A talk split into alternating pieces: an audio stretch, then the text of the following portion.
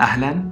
أنتم تستمعون الآن إلى موجات صوتية ستنير العقول البشرية مع الدكتور عبد الرحمن الشايبي في بودكاست وعاء. أهلا وسهلا فيكم أصدقاء وصديقات بودكاست وعاء من جديد. مع بداية السنوات الأخيرة وقبل التخرج من الكلية يتسلل القلق تدريجيا. العقل طالب طب الأسنان وطالبة طب الأسنان. فيزاحم متطلبات العيادة والمذاكرة والاختبارات اللي ما تنتهي. والله والله ما تنتهي. القلق التفكير الأسئلة المزعجة. ماذا بعد التخرج؟ هل أكتفي بشهادة البكالوريوس أم أكمل في برامج الدراسات العليا؟ برامج الدراسات العليا. في السعودية ولا في الخارج؟ طيب قررت في الخارج. أي دولة أفضل للدراسة والمعيشة؟ ما هي متطلبات آه، اللي المفروض أجهزها للقبول في برامج الدراسات العليا؟ أسئلة مزعجة أسئلة كثيرة تداعب عقل طالب وطالبة طب الأسنان وخصوصا الطموحين منهم. نحن في بودكاست وعاء نعدكم. بالإجابة على أهمها.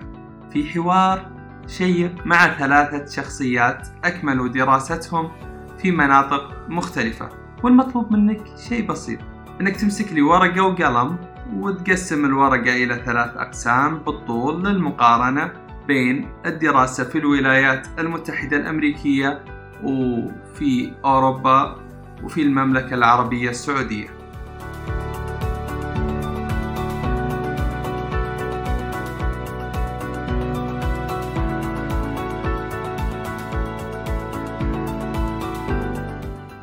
ضيوفنا في هذه الحلقة هم الدكتور محمد الدوخي أخصائي علاج جذور وعصب الأسنان مستشفى الدمام المركزي ومحاضر في برنامج البورد السعودي لعلاج جذور وعصب الأسنان.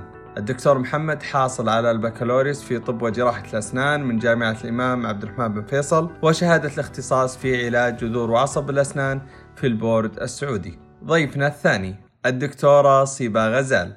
الدكتورة صيبة استشارية جراحة اللثة وزراعة الأسنان. الدكتورة صيبة أستاذ مساعد إكلينيكي في برنامج التدريب لشهادة الاختصاص السعودية في جراحة اللثة. الدكتورة صيبة درست طب الأسنان المتقدم في جامعة سان أنطونيو ومجال علم أمراض الفم في جامعة نيويورك. كما حصلت الدكتورة صيبة على ماجستير في جراحة اللثة وزراعة الأسنان والبورد الأمريكي في جراحة اللثة وزراعة الأسنان من جامعة تكساس. ضيفنا الثالث الدكتور أيمن مندورة. الدكتور أيمن استشاري وأستاذ مساعد في علاج جذور وعصب الأسنان في كلية طب الأسنان بجامعة الطائف. حصل الدكتور أيمن على بكالوريوس طب وجراحة الأسنان وشهادة الماجستير في علوم طب الأسنان وشهادة الاختصاص في علاج جذور وعصب الأسنان في البورد السويدي في مملكة السويد. الدكتور أيمن عضو المجلس العلمي للبورد السعودي في علاج جذور وعصب الأسنان لمدة دورة كاملة من عام 2016 إلى عام 2019 فأهلا وسهلا بكم. تتعدد برامج إكمال الدراسة بين برامج محلية وبرامج دولية. دكتور محمد نبدأ معك. سبب اختيارك لإكمال الدراسة في داخل المملكة العربية السعودية. حياك دكتور عبد الرحمن. بصراحة اختيار التخصص في داخل المملكة آه، له يعني أسباب كثيرة.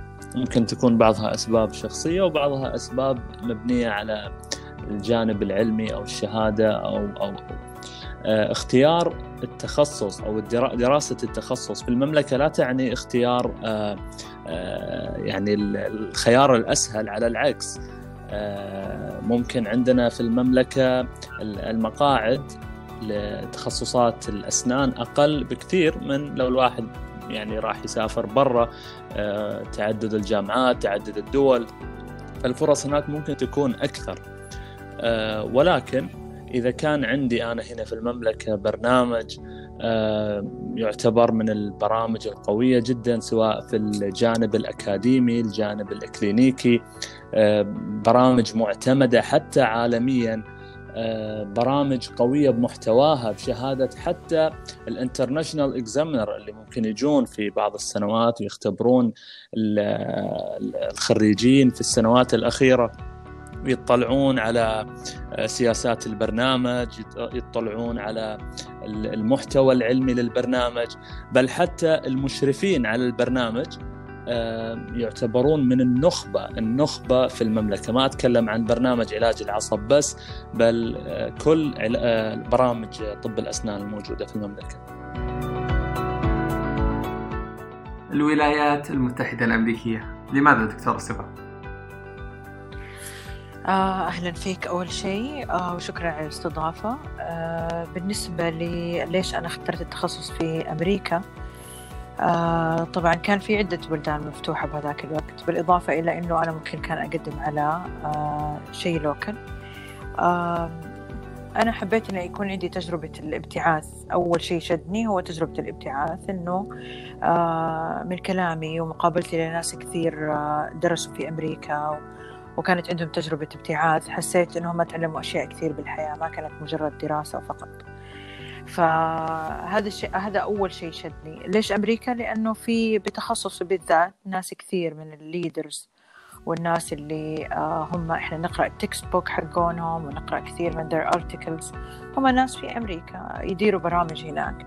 فهذا كان من أحد الأهم الأسباب اللي خلتني أتوجه بالبحث في الدراسة لأمريكا.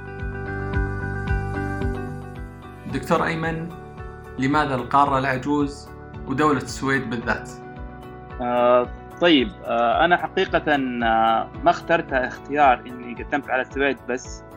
أنا قدمت في كل الدول الأوروبية والدول وأيضا دول شمال أمريكا نورث أمريكا.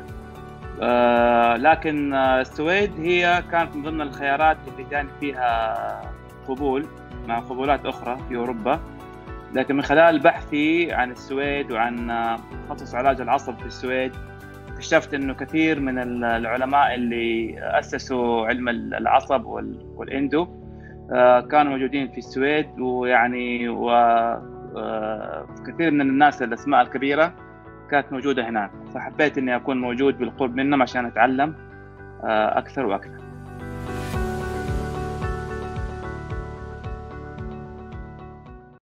السؤال الثاني نبدأ معك دكتور أيمن.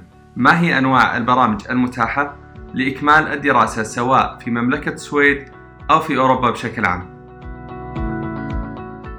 آه، بالغالب آه، الشهادات تكون في أوروبا درجات علمية. في بعضها بتقدم آه، master degree وبعضها بتقدم دكتوريت برامج دكتوراه في علوم الأسنان doctor science وبعضها بتقدم certificate وبعض البرامج بتكون مع بعض. يعني تاخذ 3 years certificate ومن ضمنها أثناء البرنامج آه، تاخذ ماستر يكون عندك thesis أو أو أو بحث تسويه وبعدين تتناقش فيه ويصير عندك الشهادة عبارة عن ماستر وأيضا certificate آه، وفي بعض الجامعات زي في بريطانيا بتخلص الماستر وبعدين بتكون لك الأحقية ان تدخل برنامج اللي هو ال membership.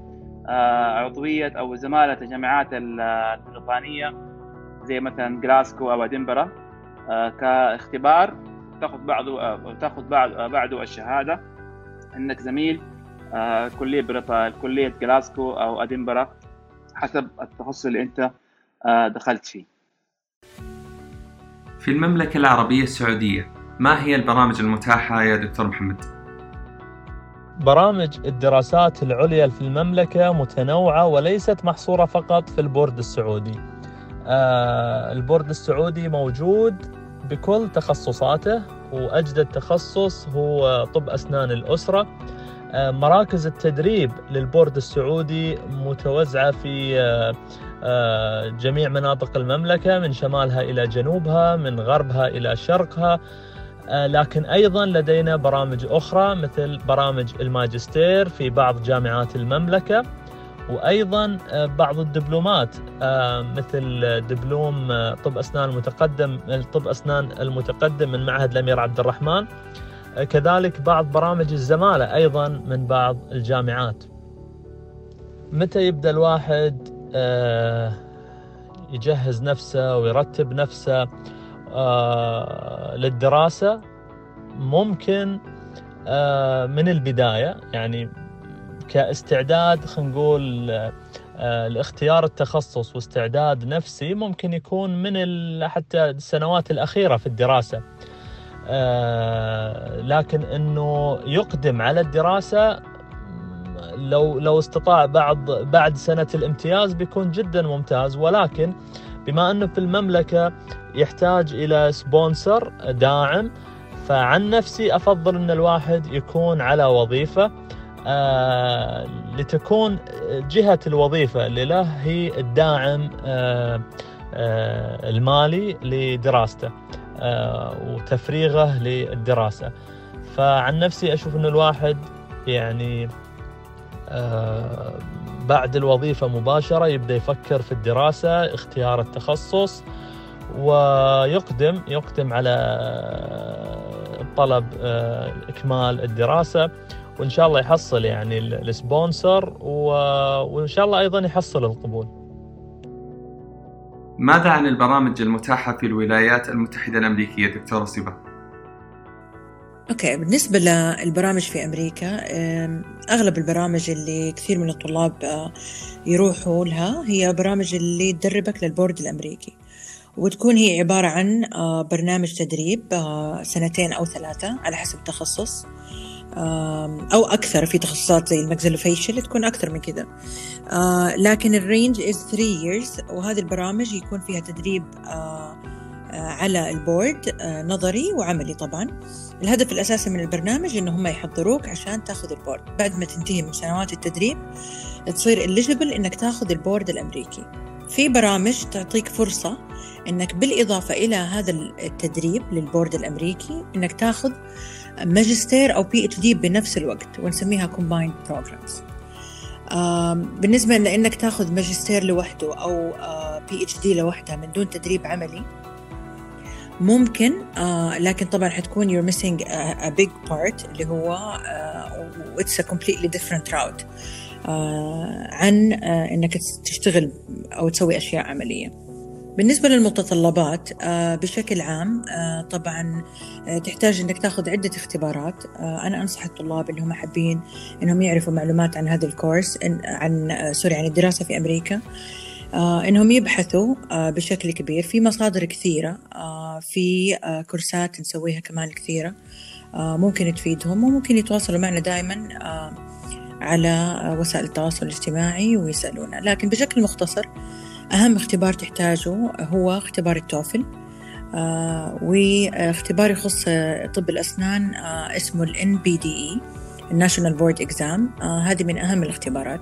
في اختبار الحين جديد اسمه ال ADAT آه وهذا الاختبار توقعات إنه هو يأخذ مكان امتحان ال NBDE بس again آه آه وقت التقديم وقت ما تقرر إنك تبغى تدرس في أمريكا إما إنك تأخذ أحد الكورسات اللي نسويها بشكل سنوي آه أو إنه تطلع ويعني do your homework and search ريتش بيبل اللي درسوا قبلك في أمريكا وسألهم وتأكد منهم.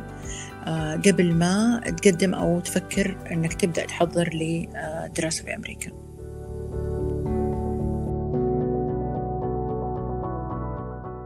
ما شاء الله عليك دكتورة سبا سبقتيني بالإجابة على السؤال الثالث وهو السؤال عن متطلبات القبول في برامج الدراسات العليا. دكتور أيمن ما هي المتطلبات؟ بخصوص القبول في جامعات أوروبا تقريبا كلها متشابهة آه، بشكل عام. آه، في الأساس لازم تكون الجامعة اللي هي متخرجين منها هنا تكون معتمدة عندهم ومعترفه عندهم هذا شرط أساسي. آه، بالإضافة إلى شرط اللغة الحصول على التوفل أو الآيلتس حسب الدرجات الموجودة والمحددة مسبقا عندهم في موقعهم. بالإضافة إلى الخبرة معظم الجامعات الأوروبية تطلب خبرة سنتين بعد التخرج. آه، في بعض الجامعات آه، تعتبر الامتياز كخبرة تحسب يعني سنة امتياز وسنة خبرة بعدها. وبعضها لا ما تحسب الامتياز كخبرة حسب الجامعة وشروطها المدونة في صفحة القبول الخاصة بالجامعة. آه، موضوع الخبرة يحسب حتى يعني وقت التقديم. يعني يحسبوها مثلا قد مثلا التقديم مثلا في 1 جانوري لحد وقت التقديم. يعني يحسب لحد ما أنت قدمت في الجامعة وليس بشكل عام. فمجرد ما يكون الشروط مطابقة ممكن بعد كده يقبلوا الابلكيشن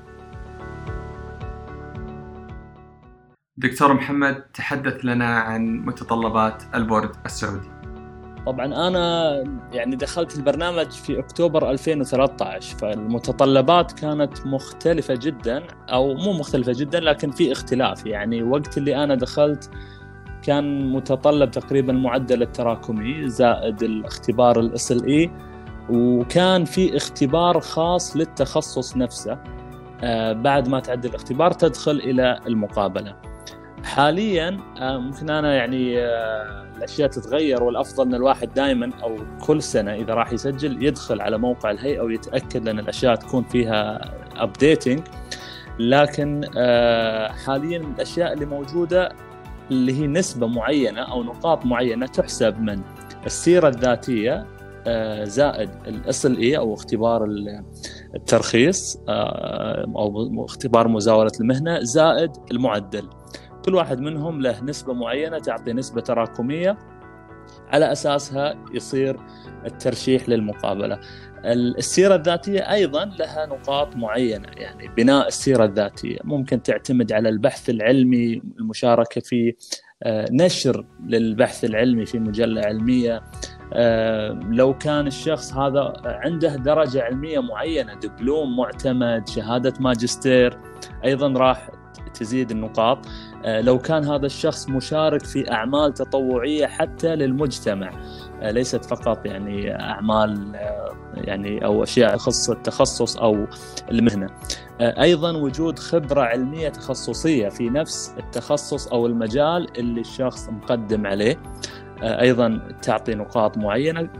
الرغبة في التخصص هذه مذكورة في موقع الهيئة الرغبة في التخصص ممكن هم يعطونك يعني أكثر من خيار إنك تضع خيارات التخصص اللي أنت تبغاها. فلو مثلا كررت التخصص هذا في كل الرغبات. يعني مثلا لو كان عندك خمس خيارات وحطيت التخصص اللي تبغاه مثلا طب أسنان أطفال خمس مرات مختلف مراكز التدريب مختلف المدن اللي موجودة. هذه بالنسبة لهم في النقطة هذه تعني رغبتك في التخصص. ففي نقاط معينة ممكن إن أشياء تضاف أشياء تحذف. الأفضل مثل ما قلت لك كل سنة الواحد يرجع إلى موقع الهيئة ويدخل على يعني شروط القبول والتسجيل الأشياء هذه للبرنامج البورد السعودي ويتابعها. كل سنة ممكن يكون فيها update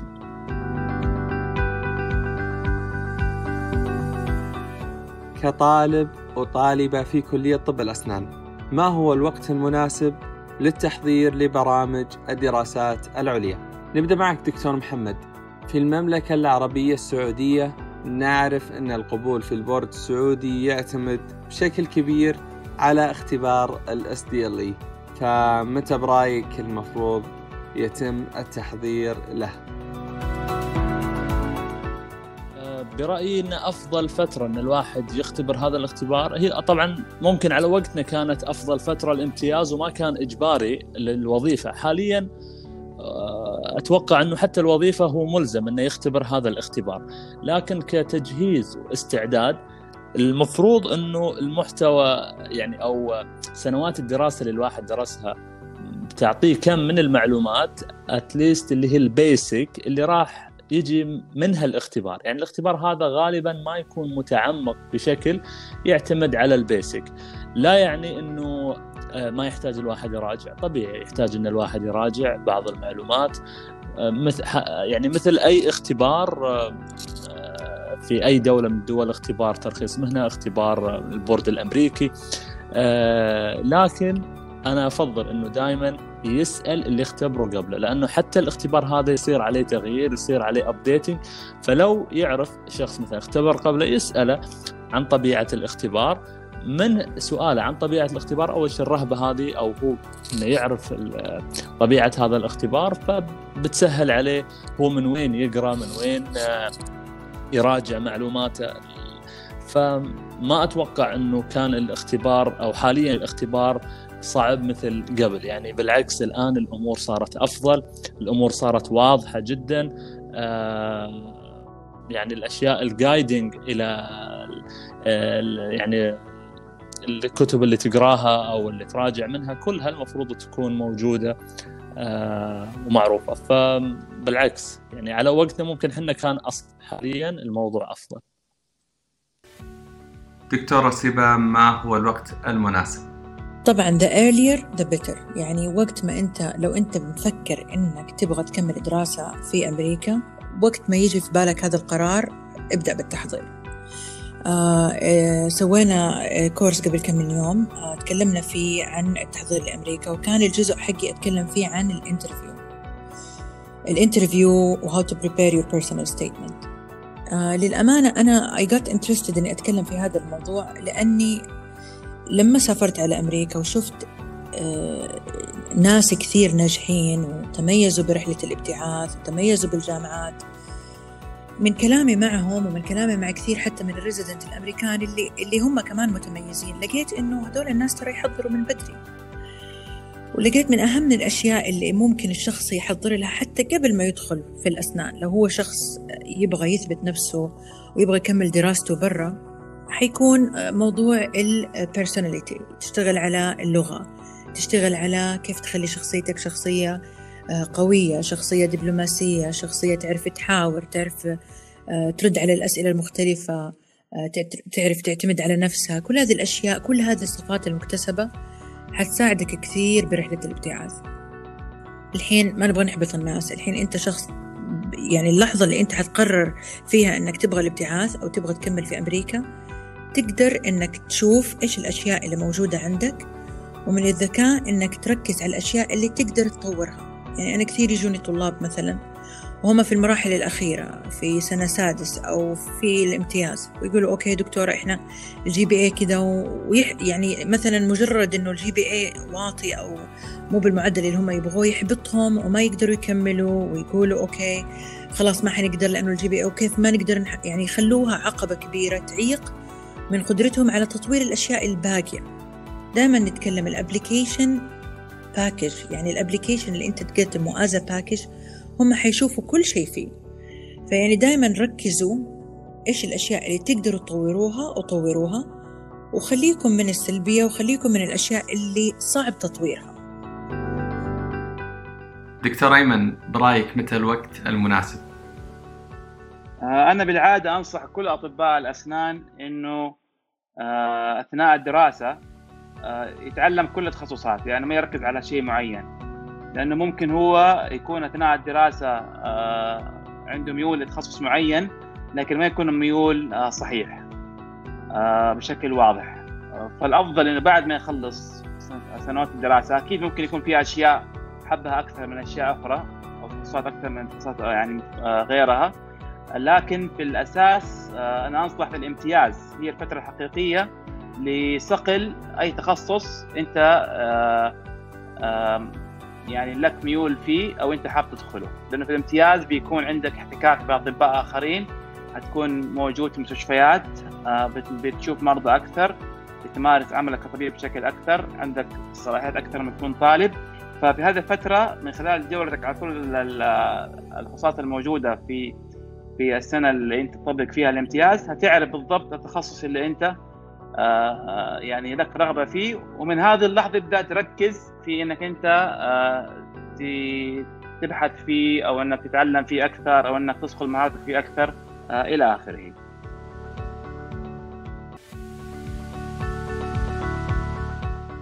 دكتور محمد، دكتور صيبة، دكتور أيمن. في حلقة اليوم تعرفنا على جزء من رحلة ما بعد التخرج وللرحلة بقية. ولكن للأسف الوقت جالس يمضي وأنا شخصيا تعهدت بألا تكون الحلقات في بودكاست وعاء طويلة. فأشكركم باسمي واسم فريق بودكاست وعاء واسم المستمعين. بنفس الوقت اسمحوا لي أستأذنكم لإنهاء الحلقة لليوم. وفي الحلقة القادمة بإذن الله راح نتعرف معكم على طرق التقديم على برامج الدراسات العليا. معايير التقييم خلال البرنامج التدريبي. وأحتاج منكم بعض الاعترافات بمواقف صعبة واجهتكم وكيف تجاوزتوها. والمحور الأهم المقارنة التي لا تقبل المجاملات في تقييم المخرجات. شكرا لكم شركاء الرحلة على المتابعة وما يحتاج أوصيكم. شاركونا آراءكم وشاركوا الحلقة لأصدقائكم.